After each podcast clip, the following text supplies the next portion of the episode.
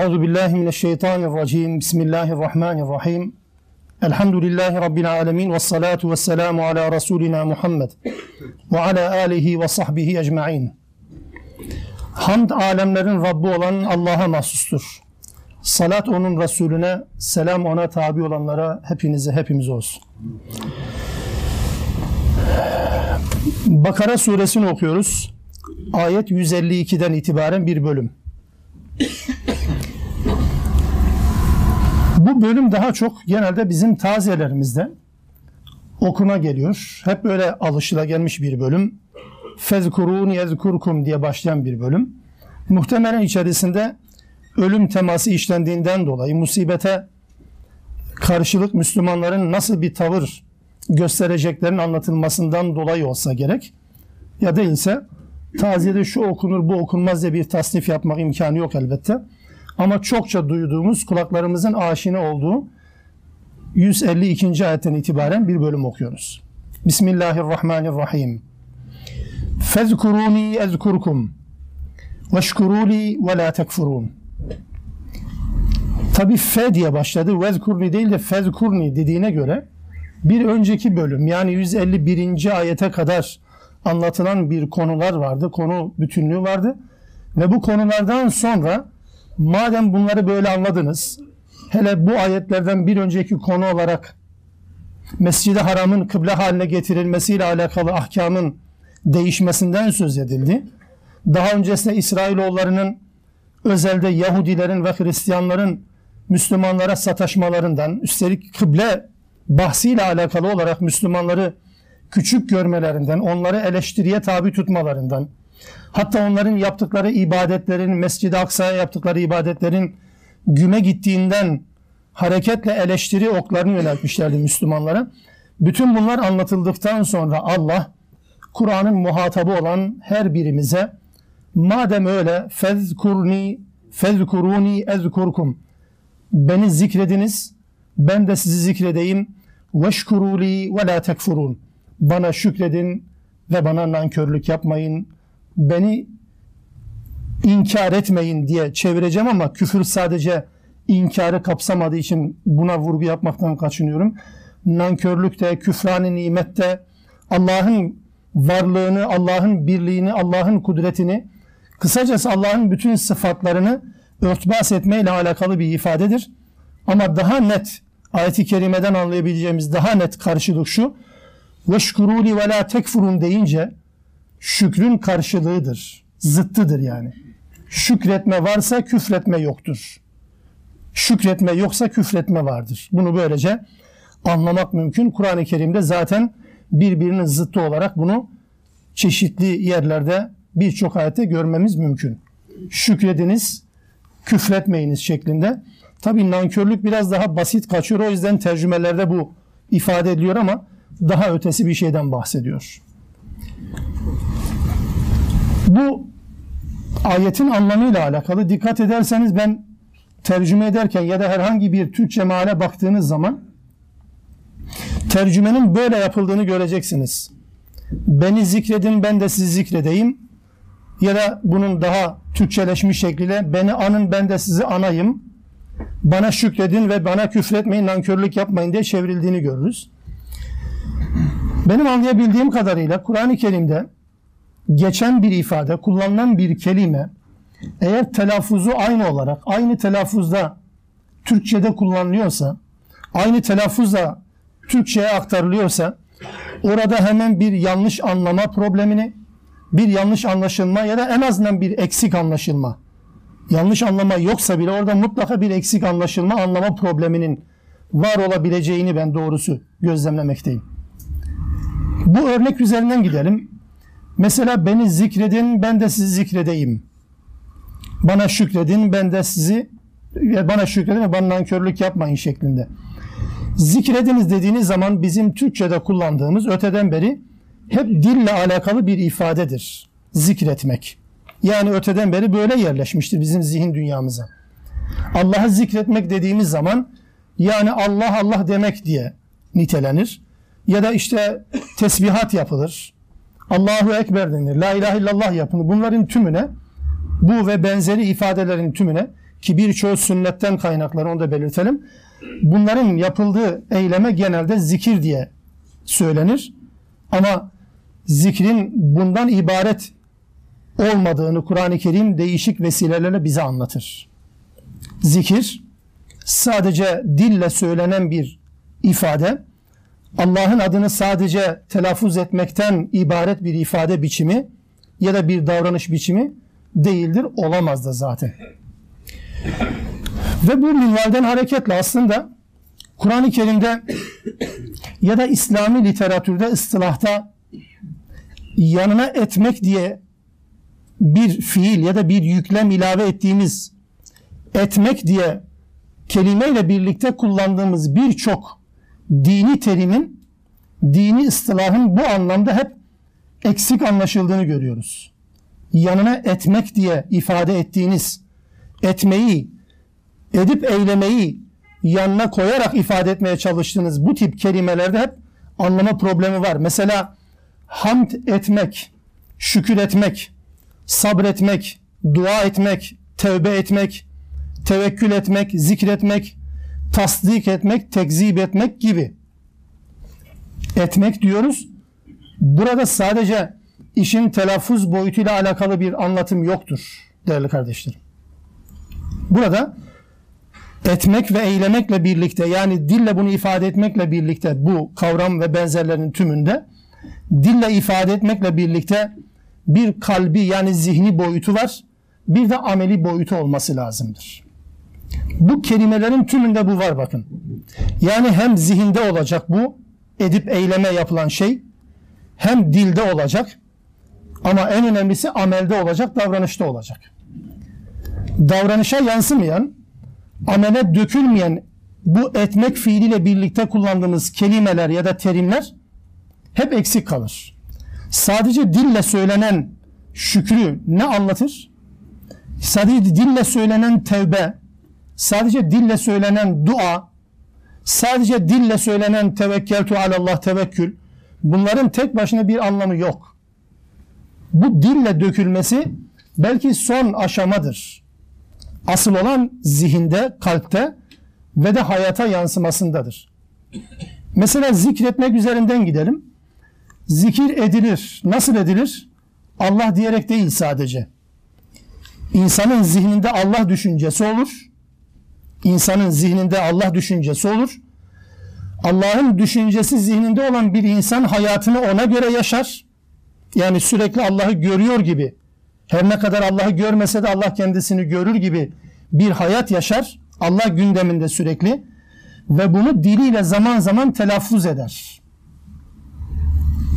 Dolayısıyla bu kavramların, bu kelimelerin hepsinin bir niyet boyutu, bir kalp boyutu yani bir dil boyutu ve bir de amel boyutu, uygulama boyutu vardır. Bunlardan birisini çıkardığımız zaman bu kelimelerle alakalı evet bu kelime yanlış anlaşılır, en azından eksik anlaşılır. Onun için zikir edilen bir şeydir. Söylenen şey değil sadece. Zikir edilir. Yani Allah'la birlikte Allah'ın da bizimle birlikte olduğu düşüncesi her zaman bir Müslümanın zihninde olur. Ve bu düşüncenin o Müslümanın zihninde olduğunun ispatı olarak bunu hayatına yansıtır. Amelde bunu gösterir. Gerektiği zaman da La ilahe illallah der. İmanı bununla yeniler ve tazeler. Bunu yapar. Ama amele yansımayan, zihninde çok da fazla önemli olmayan ama hadi söyleyelim denildiği zaman birisinin telkiniyle birinin ne bileyim adeta orkestra şefi gibi hadi zikredelim demesiyle Allah demekle Allah zikredilmiş olmuyor. Zikir bu değil. Zikir zihin, eylem ve söylemden ibarettir. Zihin, eylem ve söylemden ibarettir. Bu etmek fiile birlikte kullandığımız iki kelime bilerek atladım. Çünkü bu ikisinin gerçek anlamda söylediğimiz o tablonun içerisinde gerçek anlamda kullanıldığını biliyoruz. Mesela secde etmek dediğiniz zaman secde nasıl yaparız? Herhalde sadece kimse secde secde diyerek secde yapmıyor. Zihinde var ve niyet var ve sonra eyleme döker secde edilir. Secde böyle yapılır. Aynı şekilde cihad etmek dediğimiz zaman da Cihat cihat diye tesbihi kimse çekmiyor. Ya insanlar bir niyetle yola çıkar ve Allah yolunda bunu ortaya koyar ve gerektiği zaman da başkasına bunu telkinde bulunur. Yani zihin niyet dediğimiz şey zihin, söylem ve eylem boyutunu tümüne hakim olan iki kelimedir. Cihad etmek ve secde etmek. Zikretmeyi de, şükretmeyi de, dua etmeyi de, tevbe etmeyi de aynı yere yerleştirmemiz gerekir. Hem dille söylenecekse söylensin ama mutlak surette bunun fiile dökülmesi lazım. Mesela dua ediyorsanız sadece ya Rabbi şunu bana ver, bunu bana verme diye dua etmek yerine sözle bunu söylemekle birlikte o istediğinizin gereğini yerine getirmek zorundasınız. Ya Rabbi bana cennet ver. E olur. Öyle mi olacak? Fiili bir şeyler gerekiyor. Bunu dille söyleriz, zihinde bunu taşırız ve amelimize yansıtırız ve cenneti de bu şekilde isteriz. Bütün ibadetler de böyledir. Etmekle birlikte kullanılan bütün eylemler böyledir. Onun için zikretmek dediğimiz zaman kalple, dille ve eylemle olur.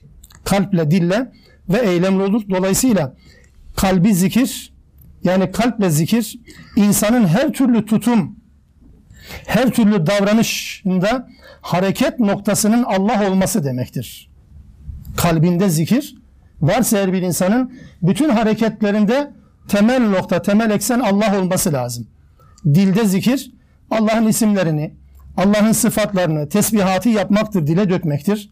Ama eylem ve zikir, eylem ve zikir Allah'ın istediği şekilde bir hayat yaşamaktır. Onun için fezkuruni beni zikredin, beni hatırlayın, beni anın, beni gündemde tutun.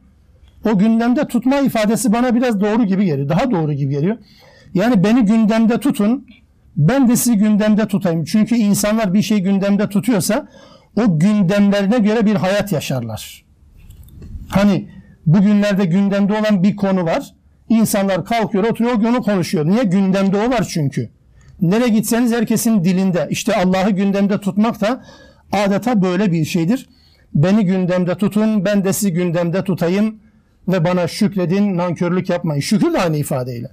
Yani sadece elhamdülillah, sadece çok şükür demek şükür değildir. Bu dille olan kısmıdır. Diğer iki boyutu yoksa eksiktir. Kalple bir şükür ve de eylemle şükür ne demek? Allah'ın verdiği nimetleri Allah'ın istediği şekilde kullanıyorsanız Allah'a şükrediyorsunuz demektir. Şükrün tarifi budur. Allah'ın verdiği bir nimet hangi nimetse adına siz nimet dediğiniz her neyse o nimeti Allah'ın istediği şekilde kullanıyorsanız o nimetin şükrünü yerine getiriyorsunuz demektir zaten. Onun dışında bunu sadece ifade etmek ihtiyacı varsa elhamdülillah dersiniz. Çok şükür dersiniz. Ya Rabbi Allah sen yani ya Rabbi sen bana bunu lütfettin ettin dersiniz. Odur şükür budur. Dille şükür ama asıl şükür eylemle şükür. Tabi Ankebut suresinden Ankebut suresinden özellikle hani şu ayeti hatırlayalım. Namazın kötülüklerden, fuhuşiyattan alıkoyduğunu anlatan o bölümün sonunda Rabbimiz kendi zikrini şöyle ifade eder. Ve le zikrullahi ekber. Allah'ı zikretmesi, Allah'ın sizi anması, Allah'ın sizi kendi gündemine alması her şeyden daha büyüktür. Evet yani bizim Allah'ı zikretmemiz büyük bir şeydir ama bizim onu zikretmemizden daha büyük olan bir şey var. O da nedir? Allah'ın bizi zikretmesidir. Onun için ve zikrullahi ekber. Allah'ın zikretmesi sizi, Allah'ın sizi yad etmesi elbette çok daha büyük bir iştir. İşte Allah'ın bizi yad etmesinin yolu bizim onu yad etmemiz, bizim onu gündemde tutmamızdan geçer. Onun için beni anın, beni gündemde tutun ki ben de sizi gündemde tutayım der Rabbimiz.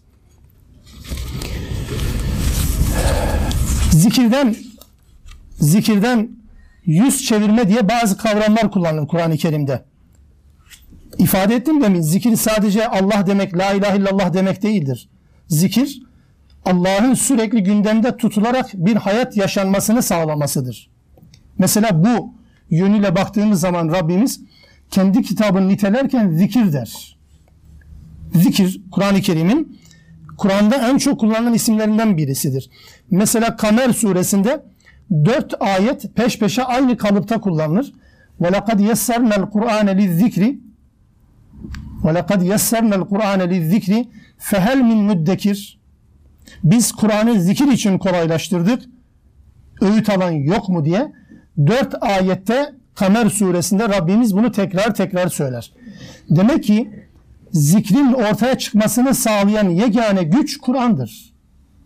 Kur'an bizim Allah'la irtibatımızı, bizim Allah'ı gündemde tutmamızı sağlayan yegane kaynaktır. Onun için Kur'an bir insanın hayatında varsa Allah'ı çokça zikrediyor demektir. Hatta bu yönüyle وَمَنْ يَعْشُ عَنْ ذِكْرِ الرَّحْمَانِ نُقَيِّضُ لَهُ شَيْطَانًا فَهُوَ لَهُ قَرِينَ der Rabbimiz Zuhruf suresinde. Kim Rahman'ın zikrinden gözünü yumarsa, kim Rahman'ın zikrini görmezden gelirse biz ona şeytanları musallat kılarız. Elbette Rahman'ın zikri nedir? Kur'an'dır. Yoksa Allah demekten yüz çevirme değil sadece. Sadece o değil. Kur'an'dan kim yüz çevirirse, Rahman'ı gündemine taşımaktan kim yüz çevirirse biz ona şeytanı musallat kılarız. Şeytanın musallat kılmasından sonra iş daha vahimleşiyor.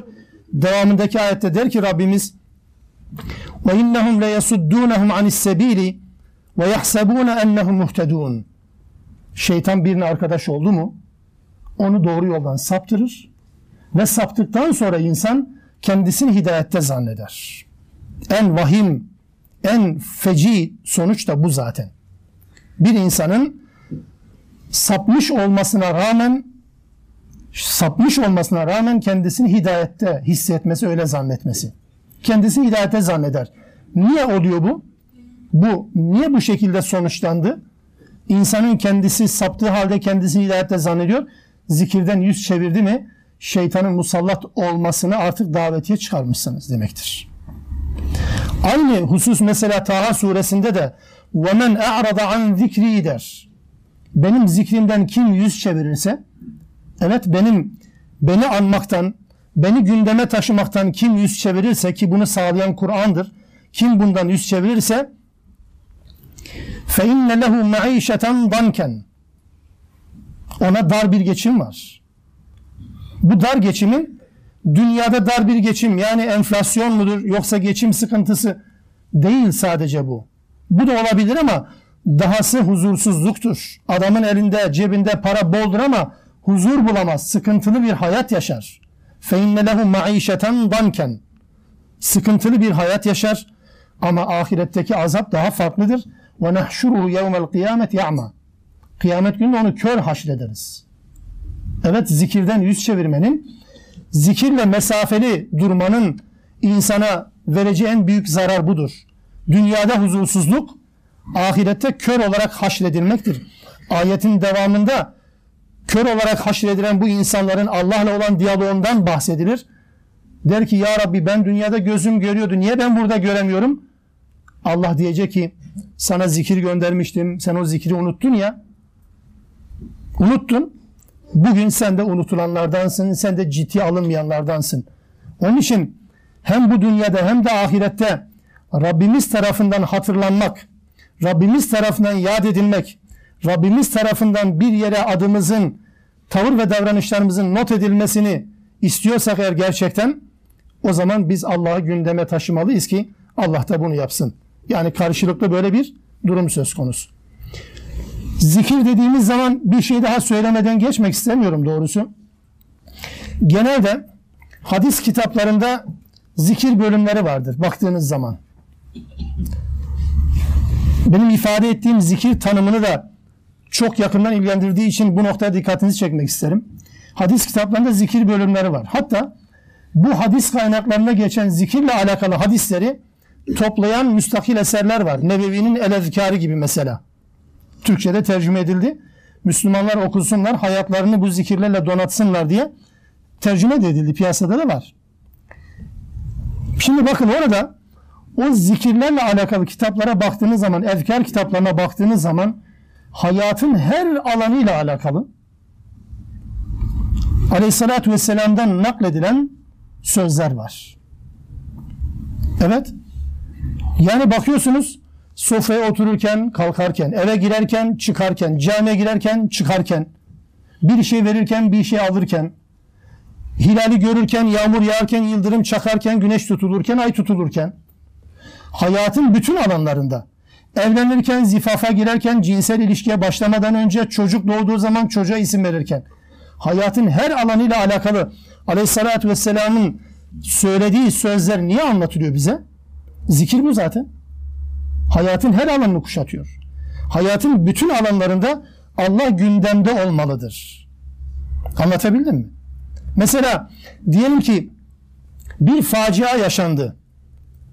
Facia yaşandığı zaman Allah daha çok gündeme gelmeli. Mutluluk varken yine daha çok gündeme gelmeli. Birini diğer feda etme imkanımız yok ki. Ama gördüğümüz kadarıyla mesela yaşanan bir deprem oluyor, yaşanan bir felaket oluyor. En son dile getirilen kavram Allah'tır. En son dile getirilen kavram Allah'tır. Hep duanın gücünden bahsedilir. İlginçtir.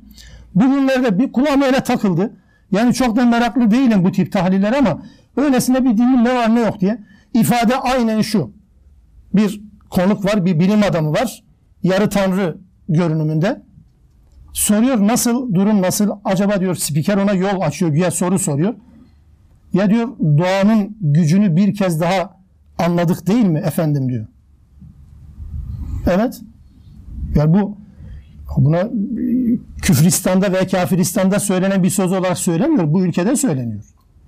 Allah yoktur. Dua vardır. Allah gündeme getirildi mi? Problemdir zaten. Bunu gündeme getirmeyeceksiniz. Bu felakette de gündeme getirmeyecek. Çünkü doğadır bu işi yapan. E adamlar Budistler de evet Şintoistler de aynı şeyi söylüyor.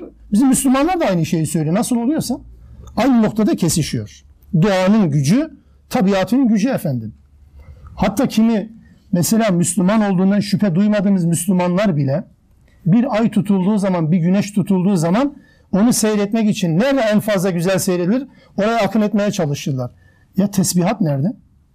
Güneş tutulduğu zaman peygamberin namaz kıldığını hiç okumadı Müslümanlar. Niye namaz yok? Yok çünkü zikir sadece Allah dediğiniz mesele bitmiştir. Oysa bu ezkar kitaplarında hayatın tüm alanlarına dağılan bu sözlerin amacı esprisi bu işte. Zikir hayatın bütünüyle alakalı bir şeydir. Onun için beni zikredin dediği zaman tabi bu şekilde telaffuz ediyorum. Beni zikredin dediği zaman Allah tamam Allah la ilahe illallah bu değil tabii ki. Beni her halükarda gündemde tutun. Yani balık avlayan da Allah zikreder. Ticaret yapan da Allah zikreder. Pazara çıkan da Allah zikreder. Tabii ki. Yemek yiyen de Allah zikreder. Hanımıyla, eşiyle birlikte olan da Allah zikreder. Tabii zikirdir hepsi. Evet. Yani bir şeyi Allah dedi diye yapıyorsanız ya da bir şey Allah dedi diye ondan kaçınıyorsanız hayatınızın o aşamasında e Allah gündeminizde zaten Allah'ı zikrediyorsunuz demektir. Onun için zikir üzerine biraz fazla durdum farkındayım. Çünkü çok temel bir kavram hep tahrif edilen, biraz örtbas edilen, biraz laşkalaştırılan bir kavramdır. Zikrin sadece dille olan boyutu değil Kur'an'ın bahsettiği, hayatın bizzat içerisinden olan boyutudur ve Rabbimiz bizden bunu ister. Şükür de aynı bir şey, aynı şey ifade ediyor. Şükür de yine kalple, yine dille ve yine aynı zamanda eylemle olur. Dolayısıyla her nimetin şükrü, her nimetin şükrü o nimeti Allah'ın razı olduğu şekilde kullanmakla eda edilmiş olacaktır. Göz nimetinin şükrü ona harama baktırmamaktır. Harama bakan bir gözün istersen günde bir milyon kere göz için hamd edin bu şükür değildir. Kulağın şükrü kulağı Allah'ın yarattığı şekilde kullanmaktır. Allah'ın söylediklerinin dışında her şeye kulağını açanlar ama Allah'ın sözü söz konusu olduğunda kulakları duymazdan gelenler Allah'ı zikretmiş sayılmazlar. Allah'ı şükretmiş sayılmazlar. Kulakla alakalı ve diğer organlar hakeza aynı şekilde değerlendirilmek zorundadır. Beni zikredin, ben de sizi zikredeyim. Bana şükredin ve bana nankörlük yapmayın. Ya eyyühellezine amenu. Ey iman ettiğini söyleyenler. Buraya kadar anlatılanlar ve bundan sonra anlatılacaklar. Bu kitap benimdir, Allah'tan gelmiştir, ben kabul ediyorum diyen müminler diye bir bölüm başlar burada. İsta'inu bis sabri ve salah. Sabırla ve namazla, sabırla ve namazla Allah'tan yardım isteyin. İnna Allaha ma'as sabirin der Rabbimiz. 153. ayetten itibaren farklı bir bölüm başlıyor. Daha önceki bölümlerde yani buraya kadar olan bölümlerde şu iki hususun özellikle vurgulanması lazım anlatılması itibariyle, anlatılmış olması itibariyle. Ne anlatıldı buraya kadar?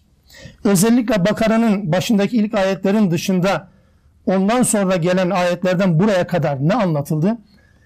Görebildiğimiz kadarıyla şu iki husus, ana tema şu iki husustur. Buraya kadar Yahudilerin ve Hristiyanların düşüncesi, gelenekleri, davranışları, kitap ve peygamberle ilişkileri şiddetli bir şekilde eleştirildi, eleştiriye tabi tutuldu buraya kadar. Yahudiler zikredilerek, Hristiyanlar zikredilerek bu yapıldı. Bu bir. İkincisi, bu eleştiriler sıradan bir Yahudi ya da Hristiyan kişilerden çok, sıradan Yahudiler ve Hristiyanların eleştirilmesinden çok, dini çıkarlarına alet eden din adamları ya da din adamı kılığındaki kimselere hedef almaktadır. Buraya kadar anlatılanlar özellikle dikkat ederseniz toplumu ifsad eden, toplumu yanlışa sevk eden sözüm ona din adamlarına yöneldi bu eleştirilerin birçoğu. Onun için bu iki husus bu bölümün temel mantığıdır, temel esprisini ortaya koş. Yahudiler ve Hristiyanlar eleştirildi. Ve de bu eleştiri sadece Yahudi ve Hristiyanlara değil, daha çok din bilenlere, daha çok kitap bilgisine sahip olanlara, daha çok topluma önderlik yapmak adına ortaya çıkanlara yönelik eleştiriler yapıldı. Bundan sonra gelecek ayetler ise sanki adeta bize şöyle söylüyor. Yani önderlik el değiştirdi ve bu önderliğin el değiştirilmesiyle Müslümanlara verildiğine göre Müslümanlara verildiğine göre sorumluluk gerektiren konumun görevlerini yerine getirebilmelerini sağlayacak olan emir ve talimatlara geçiliyor artık. Önderlik sizde, vasat ümmet sizsiniz, insanlar örnek olması gerekenler sizlersiniz. Dünya insanlarının nasıl bir hayat yaşarız sorusunun cevabını bulacağı kimseler sizlersiniz Müslümanlar olarak. Ey ümmet diye adeta. Dolayısıyla bu sorumluluğa sahip olmaya başladığınız andan itibaren yapmanız gerekenler şunlardır diye burada başlıyor. Ya eyyühellezine amenu diyerek.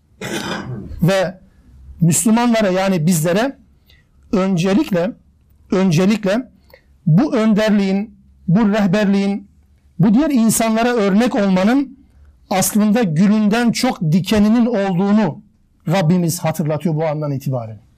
Bu süreç gülden çok dikeninin varlığını hatırlatmış olacaktır. Onun için Müslümanlar önderlik şerefine layık görüldüğüne göre Allah tarafından bu önderliğin sadece gülden ibaret olmadığını bilmek zorundalar. Bunun dikeni olmak zorunda, dikeni var. Hatta gül mü diken mi öncelikli? Diken daha fazladır çünkü Müslüman olmak zor iş gerçekten bu dönemde ama Müslüman kalmak hepsinden daha zor. Müslüman olmak zor ama Müslüman kalmak hepsinden daha zor. Onun için bu işin gülünden çok dikeni vardır Rabbimiz tarafından. 153. ayetten itibaren farklı bir sayfa açılıyor Müslümanların önüne. Ne üzerine açılıyor? Yani anladıysanız eğer tarihte kitapla ilgili, peygamberle ilgili, Allah'la ilgili, kitap, Allah ve peygamber tasavvuruyla ilgili geçmişte nasıl bir sapma yaşandı, nasıl bir yanlışlık yaşandı bunu öğrendiyseniz buradan, başka yerden öğrenilmez çünkü. Buradan öğrendiyseniz o zaman kulağınızı dört açın. Ya eyyühellezine amenu. Ey iman edenler. İsta'inu bis sabri ve salah. Sabırla ve namazla Allah'tan yardım isteyin.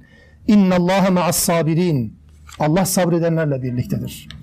Aynı benzer bir ifadeyi Ya eyyühellezine amenu ifadesi olmadan Vesta'inu bis sabri ve salah ve inneha lekebiratun illa alel haşi'in 45. ayette kullanmıştır Rabbimiz bu surenin baş taraflarında İsrailoğulları konusuna giriş sırasında bunun benzerini söylemişti. Namaz ve sabırla yardım isteyin ama arkasından demişti ki gerek namaz gerek sabır Allah'tan huşu duyanların dışında herkese ağır gelir. Çok büyük bir iştir diye orada belirtmişti. Çünkü o emrin muhatabı İsrailoğullarıydı. Bu emrin muhatabı artık önderliği Allah'ın kendilerine vermiş olduğu kesimdir. Yani Müslümanlardır. Yani bizleriz. Onun için burada huşu duyanlara ağır duyanların dışında kimseler ağır gelir demiyor Rabbimiz de İnna Allah ma'as sabirin. Allah sabredenlerle birliktedir. Siz sabırla ve namazla Allah'tan yardım isteyin. Allah sizinle birlikte olmanın garantisini veriyor. Allah sabredenlerle birliktedir. Bu garanti Rabbimiz burada bize veriyor. Orada da söylemiştim uzatmamak için sadece bir cümleyle ifade edip geçeyim. Sabır ve namaz Allah'tan nasıl yardım istenir? Yani sabretmek bizatihi zaten zor bir iş. Namaz bir gün iki gün değil zaten sürekli Allah'la diyalog halinde olmanın ifadesi. Yani sabır ve namaz Allah'tan nasıl yardım istenir? Benim anlayabildiğim kadarıyla Allah en iyisini bilir ama galiba Allah bizden Allah'ın yardımını celbedecek, Allah'ın yardımının gelmesini sağlayacak bir namaz kılmamızı istiyor. Yani namazla yardım isteyin, sabırla yardım isteyin. Nasıl bir şey bu? Öyle bir namaz kılınacak ki, öyle bir direnç gösterilecek ki, öyle dimdik durulacak ki, bu namaz ve dimdik duruş yani sabır dediğimiz şey Allah'ın yardımını cezbedecek. Öyle bir namaz kılın ve yardım gelsin, öyle bir sabredin ki yardım gelsin diye anlıyoruz. Allah'ın iyisini bilir. Burada özellikle namazla ilgili burada değişik zamanlarda çok üzerinde durduğumuz bir konu. Ama sabırla alakalı birkaç kelam etmeden geçemeyeceğim. Sabır nedir?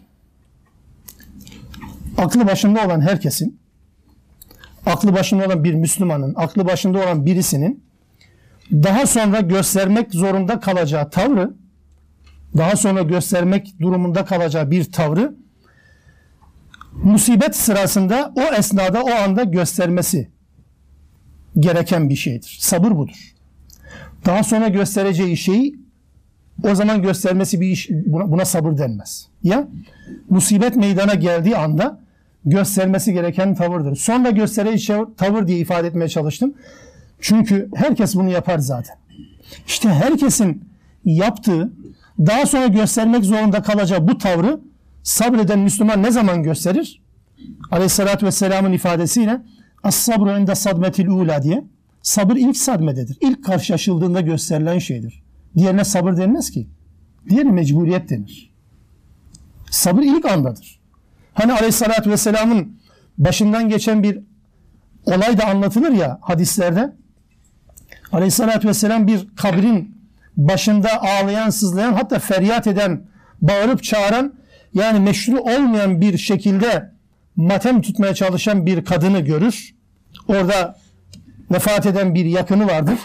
Aleyhissalatü vesselam ey kadın Allah'tan kork diye kendisini uyarır. Böyle isyana doğru kaydığını görünce kadın o kendinden geçmiş bağırıp çağırıyor.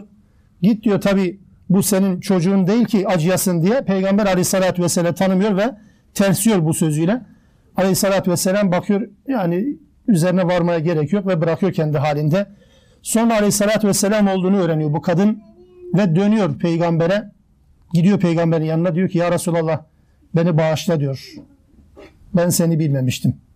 Aleyhissalatü vesselam işte o anda bunu söylüyor. As-sabru inde sadmetil ula.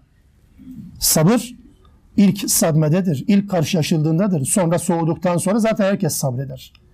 Onun için herkesin başka zaman daha sonra göstereceği tavrı bir Müslüman ilk sırada göstermek zorundadır. Sabır budur. Sabır aynı zamanda musibetleri dile getirmemek değil. Değerli kardeşler. Sabır başa gelen sıkıntıları konuşmamak demek değil. Veya olaylardan etkilenmemek demek de değil sabır. Başa gelen bir musibetten hiç etkilenmiyorum demek değildir sabır. Yani tersini söyleyeyim. Bir insan sabrın gerçekten mükemmel örneğini gösterir ama başına gelen sıkıntı ifade eder. Bir Müslüman sabreder ama beraberinde sabrettiği bir musibetten dolayı ciddi anlamda etkilenir. Tabi. Bunun ben sadece iki örneğini biliyorum Kur'an'da. Yani onu söyleyeyim sadece. Hazreti Eyyub bizde genelde sabırla özdeşleşen bir peygamber olarak anlatılır. Enbiya suresi ve Sad suresinde okursanız karşınıza çıkar. Eyyub aleyhisselamın durumları. Mesela orada Rabbimiz Eyüp'ten bahsederken der ki İznada seslenir, nida eder Eyüp. O karşılaştığı musibet, sıkıntılardan dolayı. İznada Rabbehu. Rabbine nida eder der ki enni messeniyed durru ve ente erhamur rahimin. Bana bir zarar, bir sıkıntı isabet etti ya Rabbi. Sen merhametlerin en merhametlisisin diye derdini sıkıntısını Allah'a arz eder, nida eder. Nida eder sıkıntıyı dile getirmek sabırsızlık değil.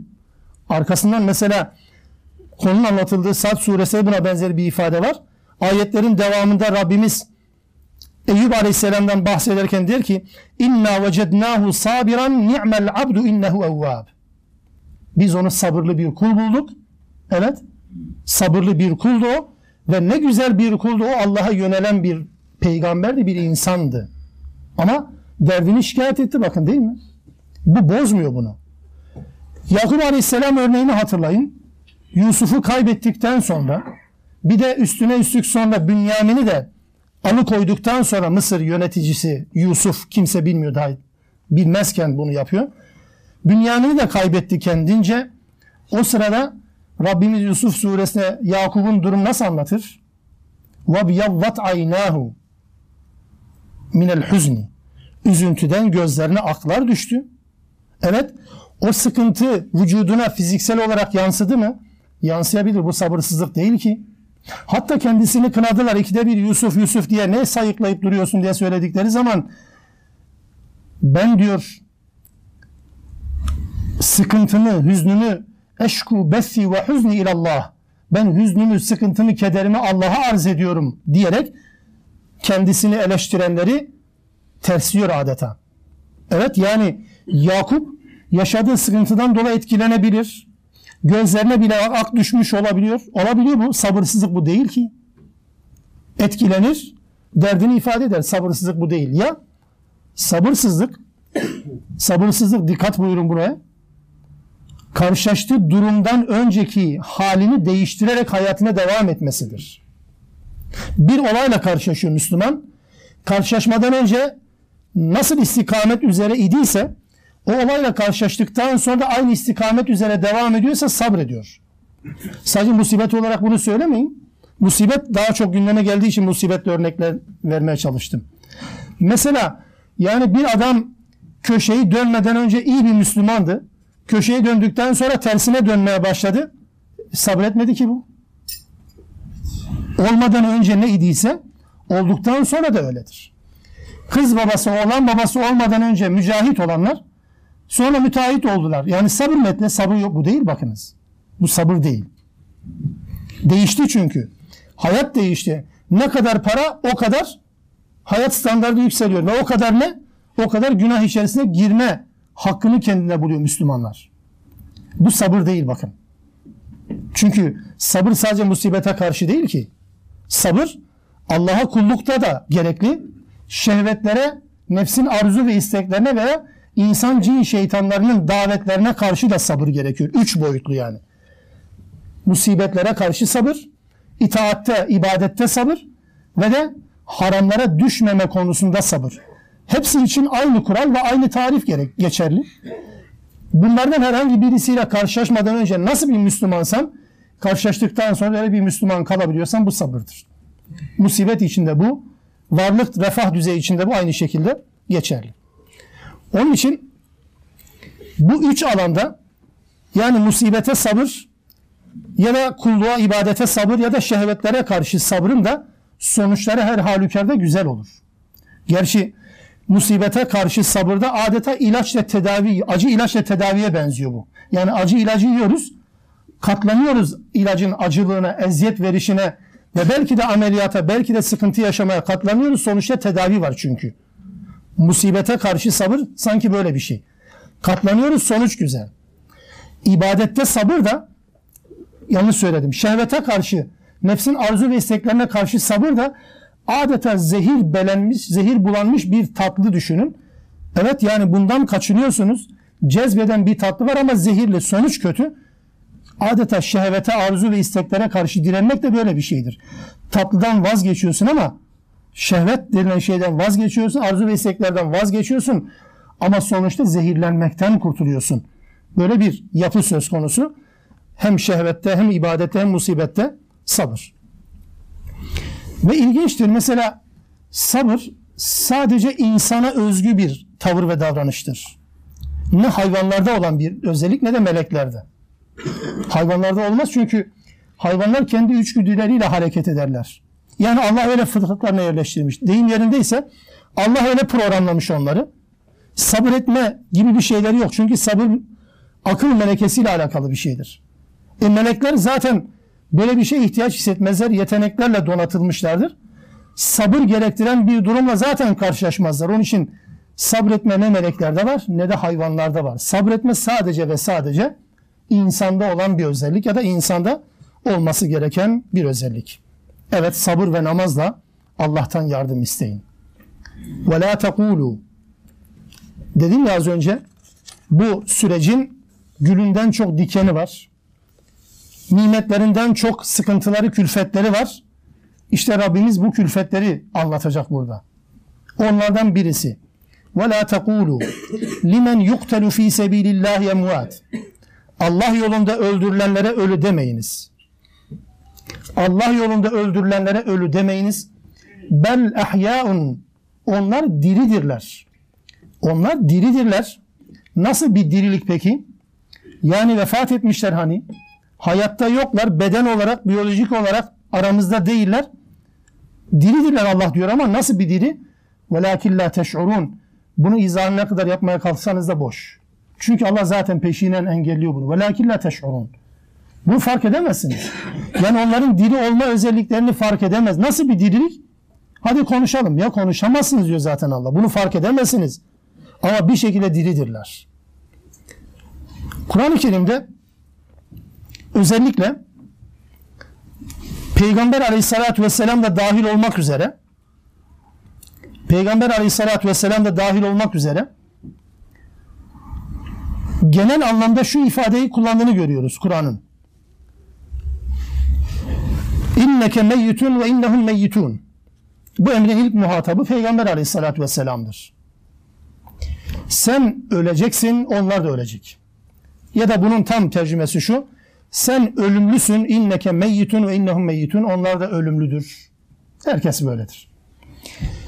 Burada özellikle dikkatimizi çeken şu.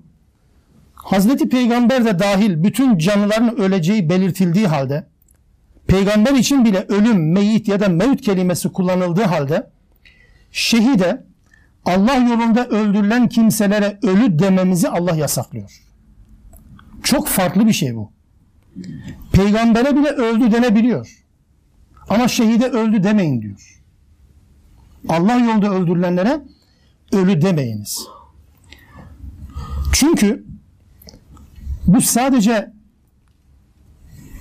bir insanın ruhunun ayrılması ya da hareket kabiliyetini kaybetmesi hareket edemez hale gelmesiyle alakalı bir şey değildir ölüm. Ölü ya da diri olmayı belirleyen durum değerli kardeşlerim, bir insanın ölü ya da diri olmasını belirleyen durum canının çıkması falan değildir. Evet yani canın çıkması değildir. Bir insanın ölü ya da diri olmasını belirleyen durum kişinin hangi amaç uğruna can verdiğidir. Hangi amaç uğruna can vermişse o şekilde değerlendirilir hangi amaç uğruna can verdi? O amaç uğruna verdiği, can verdiği amaç, amaca göre bir niteleme yapılır. Onun için Allah, Allah yolunda öldürülmüşse bir insan, bütün amacı Allah olsun, Allah'ın dini ayakta kalsın diye mücadele ederken ölmüşse, buna ölü demeyiniz diyor.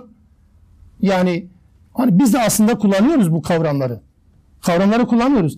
Mesela farklı insanların, farklı vasıftaki insanların vefat ettiği bir olay anlatıyor diyelim ki.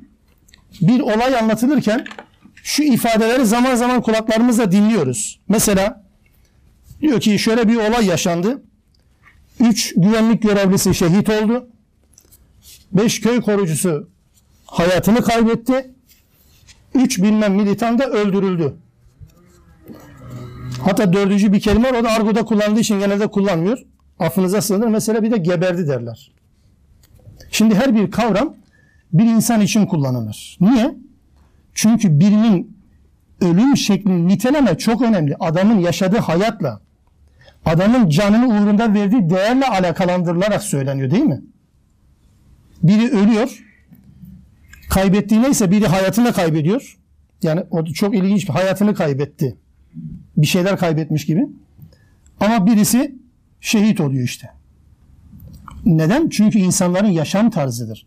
Yaşadığı hayat standartları ve dahası bu yaşadığı hayat standartlarından sonra ölüm amacı bir insanın bu şekilde nitelenmesini belirliyor. Onun için Allah kendisi yolunda öldürülenlerin ölü olarak nitelenmesini istemiyor. Bu ifade beraberinde beraberinde şunu da getiriyor bize. Allah yolunda şehit olanlar hakkında ölüler diyerek rastgele konuşmanın doğru olmadığını, onlardan saygıyla, onların geride bıraktığı şeyi saygıyla söz edilmesi gerektiğini belirten mecazi bir anlam da taşıyor bu ifade.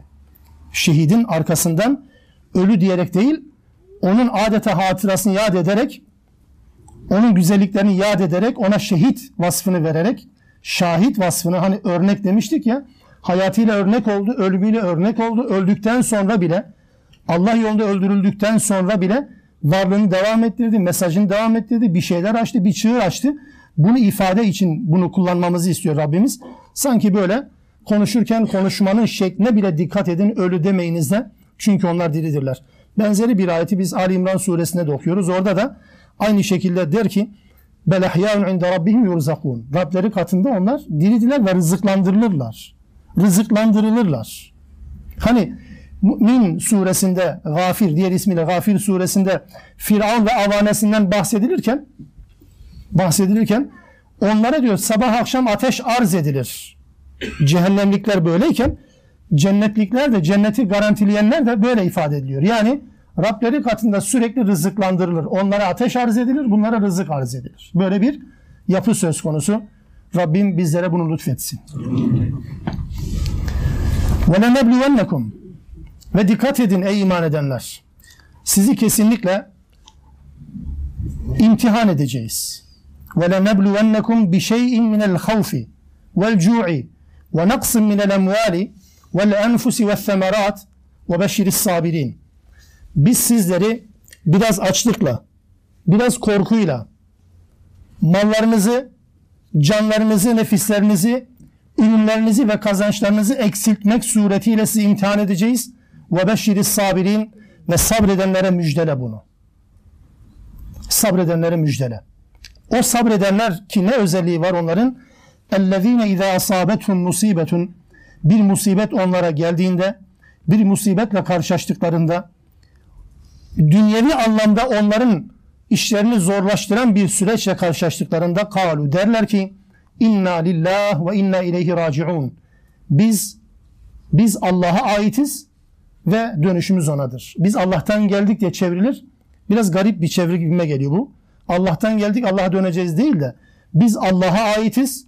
Yani her şeyimizde bütün her şeyimiz Allah'a ait ve dönüşümüz onadır. Musibetlere böyle tavır gösteren, böyle karşılık veren o kimseler işte ulaike aleyhim salavatun min rabbihim ve rahmetun ve ulaike humul muhtedun. Böylelerin Rablerinden bir mağfiret var, bir rahmet var ve hidayette olanların ta kendilerde bunlardır der Rabbimiz. Evet Allah her birimizi bir takım imtihanlara maruz bırakacaktır. Ankebut suresinin ilk ayetlerini hatırlayalım. Elif, la, mim. E hasiben nasu en yutraku en yekulu amennâ ve hum la yuftenûn. Ve lekad fetennellezîne min qablihim feleya'lemennallâhu allezîne sadakû ve leya'lemennel kâzibîn. İman ettik dedikten sonra bunu söyleyenleri imtihan etmeyeceğimizi mi zannettiler bu insanlar, iman edenler? Hayır. Bizim değişmez bir yasamız var.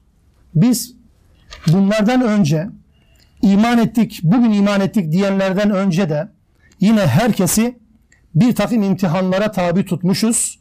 Şu anda da tutacağız, yarın da tutacağız. Bu imtihanın gerekçesi ise bu konuda samimi olanlarla olmayanların birbirinden ayrıştırılmasıdır.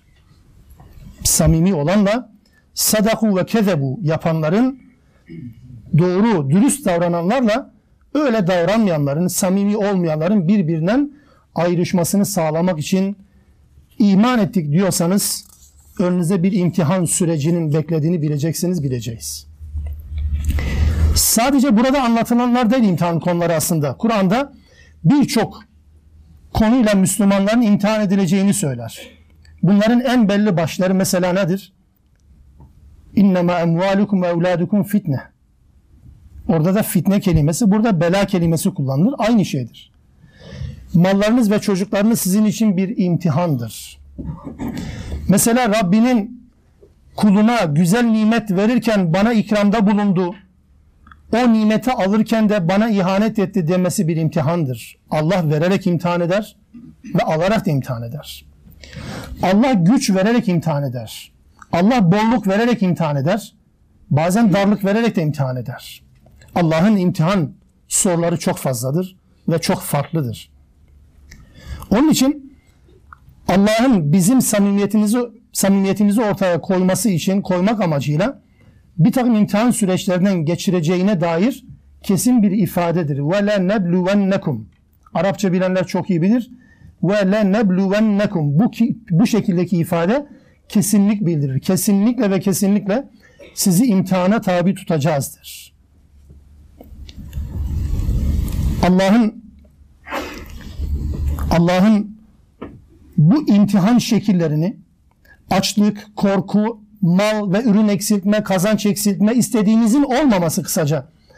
Bu imtihan süreçlerini haram yollarla bu sıkıntılı süreçleri haram yollar kullanarak veya dinin olmazsa olmaz bir takım kurallarından taviz vererek imtihan süreçlerini lehimize çevirmemiz görünüşte çok güzel gibi gelir. Yırtıyoruz değil mi imtihandan? Sıkıntıya maruz kalmadan teğet geçiyoruz sıkıntıyı. Ya da sıkıntı bizi teğet geçiyor. Sıkıntıya maruz kalmıyoruz ama kalmazken ne yapıyoruz? Haramları kullanıyoruz. Allah'ın razı olmadığı yöntemleri kullanıyoruz. Bunu yapmak imtihan esprisini bertaraf etmektir değerli Müslümanlar. Allah'ın beni nasıl imtihana tabi tutacağını ben belirlemeye kalkıyorum bu şekilde olursa. Yani Allah benim malımla imtihan edecek. Hayır ben buna yönelik tedbir alırım. Yani tedbir alırım derken tedbir yasak mı peki bu noktada? Hayır. Yani bir Müslümanın muhtemel, karşılaşacağı muhtemel tehlikelere karşı kendisini güvende hissetmesini sağlayacak bir takım tedbirler alması ayrı şeydir. Ama adeta bu tedbiri aldıktan sonra tamamen zihninden bu tehlikeyi silerek silerek bir hayat yaşaması ayrı şeydir. Aleyhissalatü vesselamın ifadesiyle söyleyeyim. Yani deveyi kaza bağladıktan sonra tevekkül etme anlayışı anlatılıyor ya Peygamber aleyhisselam tarafından. Yani ipe ve kaza güveniyorsanız ipe ve kaza güveniyorsanız, ipin ve kazının sağlamlığına güveniyorsanız evet bu tevekkül değildir. Ama tedbir olarak ben bunu yaparım sonuçta her şey Allah'ın dediği gibi olur diyorsanız işte tevekkül budur. Ama yaptığımız, yaşadığımız hayatta özellikle son dönemlerde adeta Allah'ın beni imtihan etmesinin önüne nasıl geçebilirim mi ben sorguluyorum adeta. Allah'ın beni imtihan etmesini nasıl engelleyebilirim? Herkes oturmuş kalkmış bununla kafa yormaya çalışıyorlar. Bu tevekkül anlayışı bu değil değerli kardeşlerim. Tedbir almak ayrı şeydir. Ama tamamen zihni sadece dünyevi tedbirlerimize takmak ve kendi kendimizi adeta imtihan alanından uzaklaştırmak için çabalamak imtihan esprisini bertaraf etmektir. Oysa Allah imtihan edecek bizi. Allah mutlaka imtihan edecek. Özellikle mallarımız konusunda yaptığımız yanlışlarla ilgili bunu söylüyorum. Allah'ın garantisi yetmiyor. Allah'ın rızkı yetmiyor. Bunun ötesinde insanlar bir takım çareler, çözümler arıyorlarsa herkes zihnini kontrol etsin. Kimseye itham etme anlamında söylemiyorum bunu. Herkes zihnini kontrol etsin. Aldığınız tedbir midir? Yoksa aldığınız imtihanı bertaraf etme anlayışı mıdır? Yaptığınız iş. Bu ikisi arasında çok net bir çizgi var. Bunu özellikle değerlendirmenizi istirham ediyorum. Ama Allah imtihan edecek mutlaka. Bu imtihanlar, bu musibetler biri ve birkaçı geldiği zaman Müslüman olmamızın en belirgin işareti nedir? İnna lillah ve inne ileyhi raciun demek midir? Demek değil sadece. Yani bunu telaffuz etmek değil. Sadece bu kelimeleri dil ile tekrarlanması değildir bu. Ya bu gerçeğe iman etmektir. Yani inna lillah ve inna ileyhi raciun ifadesine iman etmektir. Bunu demek değil sadece. Çünkü Kur'an-ı Kerim'de de hadislerde de zaman zaman şöyle derse böyle olur, böyle derse şöyle olur gibi ifadeler geçer. Aslında Müslüman söylediğine inanan, inandığını söyleyendir. Bu, bu, bu formunu unutmayalım. Yani Müslüman inandığını söyler, söylediğine de inanır. Mesela la ilahe illallah diyen cennete girer. Girer mi? Girer de söyleyen değil. Söylediğine inanırsa girer. Yoksa söyleyen cennete girer diye bir ifade olmaz ki. Yani bir insan bunu ezber tekrar eder söyler. Mesele o değil. Söylediğine iman edecek. Kul huvallahu ahad de ki Allah birdir. Yani Allah bir olduğunu söylerse mi oluyor bu tevhid? Hayır Allah'ın bir olduğunu söylemekle birlikte Allah'ın bir olduğuna iman edecek. Bunu benimseyecektir. Onun için burada ben Allah'a aitim, biz Allah'a aitiz ve ona döneceğiz. Bu teslimiyeti gösteriyorsa, gerçekten teslimiyeti gösterir, bunu söylemekle kalmıyorsa, evet Allah'ın rahmeti de, mağfireti de bunlar üzerinedir ve hidayette olanlar da bunlardır. Ayet 158. İnne safa vel mervete min şairillah. Safa ve Merve Allah'ın şiarlarından, sembollerindendir. Femen haccel beyte ev i'temara fela cunaha aleyhi en yettavvefe bihima. Kim hac niyetiyle giderse oraya veya kim umre niyetiyle giderse oraya orayı tavaf etmesinde Safa ve Merve arasında gidip gelmesinde la cunaha aleyhi ona günah yoktur. Onun bir vebali yoktur. Onun bir sıkıntısı yoktur. Ve men tatavva'a hayran kim tatavu olarak, gönülden koparak daha fazlasını, daha güzelini, daha zorunlu olmadığı halde yapmaya çalışırsa o zaman fe innallaha şakirun alim Allah o şükredenin karşılığını verir. Allah onun yaptığını bilir, hesaba kaydeder ve onun karşılığını mutlaka verecektir. Şimdi herhalde şöyle düşünüyoruz. Yani bu ayetin bu bölümle ne alakası var? Allah hacden ve umreden, Safa Merve'den bahsetmeye geçti. ve arkasından hacla alakalı konu anlatılmıyor. Ve üstelik bu ayetler yukarıda anlatılan ayetlerden daha sonra nazil olduğunu öğreniyoruz rivayetlerden. Bu ayet niye buraya kondu ki? Bir tane bu ayet sonra tekrar kaldığı yerden konu devam ediyor. Allah'ın kitabını ayetleri gizleyenlerden onların kınanmasından bahsedecek. Bu ayet niye buraya kondu? Bakın hac ve umre ile ilgili bir konuyu içeren ve yıllar sonra inmiş olan bu ayetin özellikle yukarıda sabırdan söz eden ayetlerin hemen arkasında onların hemen devamında yer almasının anlamı herhalde şu olsa gerek. Böyle okumaya çalışıyoruz. Hacer annemiz İbrahim Aleyhisselam'ın hanımı Hacer annemiz su bulmanın imkansız gibi göründüğü imkansız aslında öyle görünüyordu. İmkansız gibi göründüğü öylesine ıssız bir çöl ortamında bile Allah'tan ümidini kesmemiş, yerinde oturup kendisinin ve çocuğunun ölümünü beklememiş, aksine inanıp güvendiği Allah için hiçbir şeyin imkansız olmadığını düşünmüş ve sabırla su aramaya devam etmiş, sonunda da aradığını Allah ona lütfetmiş. Çünkü Safa Merve şiardır, semboldür. Bazen böyle küçük çocuklarla umreye hacca gidenler o zaman Hacer'i ya da evet o zaman Hacer'i daha iyi anlıyoruz diyorlar. Çocuk bir o tarafa gidiyor kayboldu korkusu yani sonuçta kaybolmaz hani. Öyle bir dert de yok da ama o zaman Hacer'i biraz daha iyi anlıyoruz diyor. Evet yani gerçekten bu rolü yaşatmaktır. Safa Merve arasında gidip gelmektir.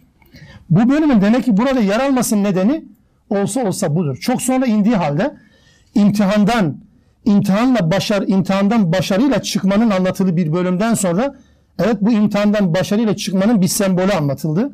Safa Merve arasında ve Hacer annemize bir atıf yapıldı. Bitireceğim birkaç cümleyle. Sabrınızı fazla zorlamayacağım ama özellikle bu ayetle alakalı şu konuyu da bilmemiz gerekiyor. Özellikle bu konu çok önemli çünkü. Kur'an-ı Kerim'in nazil olduğu dönemde nüzül sebepleri dediğimiz, iniş sebepleri dediğimiz ya da kimlerine göre nüzül ortamı, iniş ortamı dediğimiz kimi olaylar anlatılır ya. Kur'an-ı Kerim'in anlaşılmasına katkı sağlaması açısından ne kadar önem arz ettiğinin bir tipik örneğidir bu ayetler. Çünkü ayeti okuduğunuz zaman bakın ayetin metninde diyor ki Safa Merve'yi kim hac eder ve umre ederse Safa Merve'yi sağ etmesinde bir günah yoktur. Ne anlıyoruz buradan? Yani demek olsa da olur, olmasa da olur. Bunu Hazreti Ayşe annemize anlatıyorlar o dönemde. Hazreti Ayşe diyor ki yani sizin zannettiğiniz gibi olsa Allah şöyle derdi. Onu sağ etmemenizde bir günah yoktur derdi. Oysa Allah öyle demiyor. Sağ etmenizde bir günah yoktur. İşte bir ayeti, bir Kur'an ayetini Arapçayı iyi bilerek, Türkçeyi iyi kullanarak çevirmenin her zaman isabetli olmadığının bir örneğidir bu. Siz böyle anlatırsanız yani Safa Merve'yi tavaf etmenizde bir sıkıntı yok, bir günah yok, bir vebal yok diye tercüme ederseniz o zaman ne anlaşılır? Demek ki olsa da olur, olmasa da olur cinsinden bir davranışmış meğer. Nüzul ortamına gitmek zorundasınız. Yani Kur'an'ın her ayet için söylemiyorum bunu. Yanlış anlaşılmasın. Birçok yerinde bu konu var. Onlardan birisi olduğu için hatırlatıyorum tekrar. Kur'an'ın bu ayetinin indiği ortamdaki karşılığı ne? Şu. Biliyorsunuz İbrahim Aleyhisselam'dan sonra hac geleneği bozuldu. İçine şirk unsurlar da karıştı. Hazreti Peygamber dönemine gelinceye kadar da öyleydi. Kıble haline gelmişti. Kabe putlarla doluydu mesela. Safa Merve tepelerinde de İsaf ve Naile diye putlar dikilmiş. Ve bu putların bakın başlangıçta put olarak dikilmemiş. İlginçtir. Putçuluk böyle başlıyor zaten.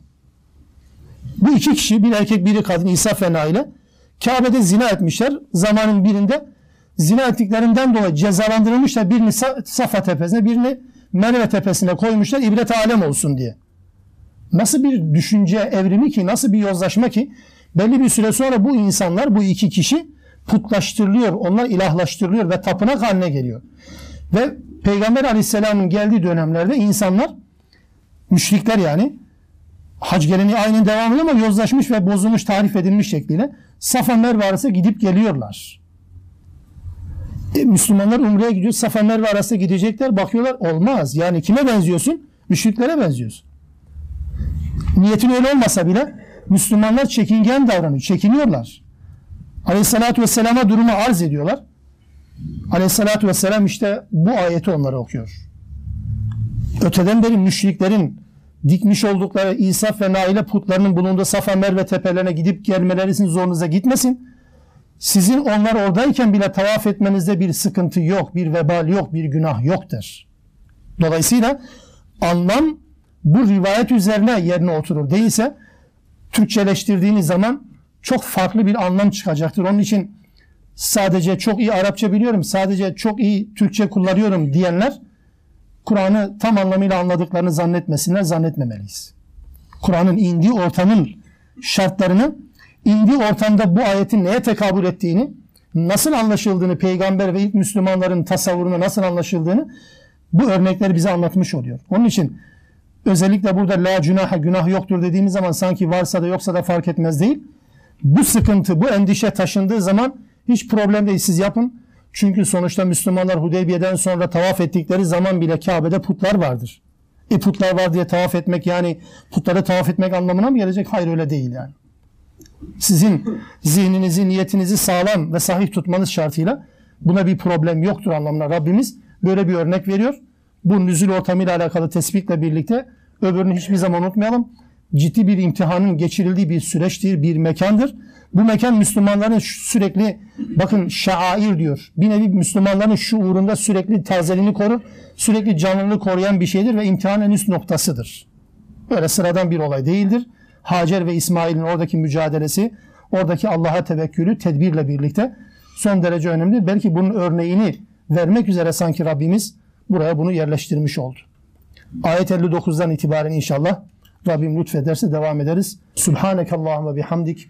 Eşhedü en la ilahe illa ente estağfiruk ve etubu ileyk.